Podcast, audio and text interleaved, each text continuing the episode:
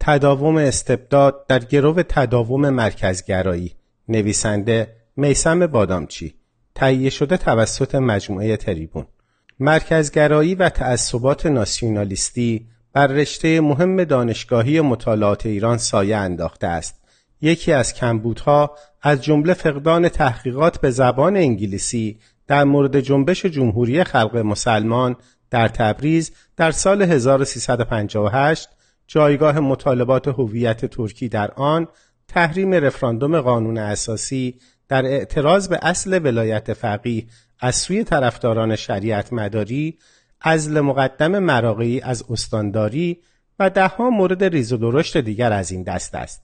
حتی اختلاف آقایان خمینی و شریعت مداری و طرفدارانشان را کاملا می شود از جهت جدال مرکز پیرامون و تا حدودی هویت فارسگرا و ترکگرا در میان دو مرجع شیعه بررسی کرد و ندیدم کسی از این منظر به موضوع نگاه کند.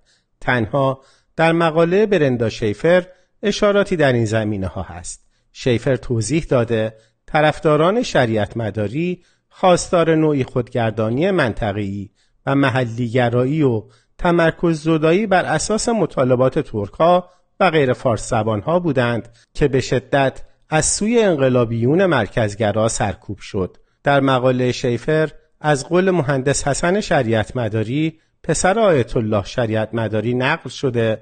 خمینی گفته بود اگر طرفداران شما صدا و سیمای تبریز را تخلیه نکنند بمباران می‌کنیم.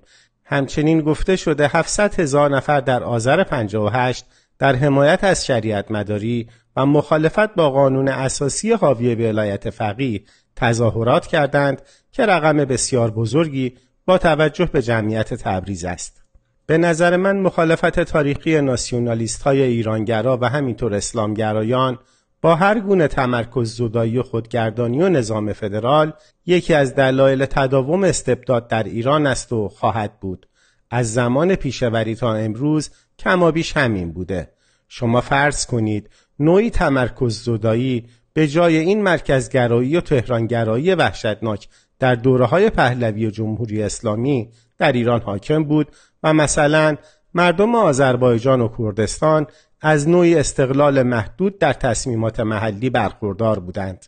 آیا مقاومت در برابر استبداد چند درجه از وضعیتی که اکنون در آن هستیم آسانتر نمی‌شد وضعیتی که سرت را به جنبانی حکومت مرکزی با تمام قوا سرکوب می کند و مرکز برای استانها تعیین تکلیف می کند و در پهلوی و جمهوری اسلامی هم از این جهت برخلاف دوران مشروطیت و پیش از رضاشاه تفاوت زیادی نیست.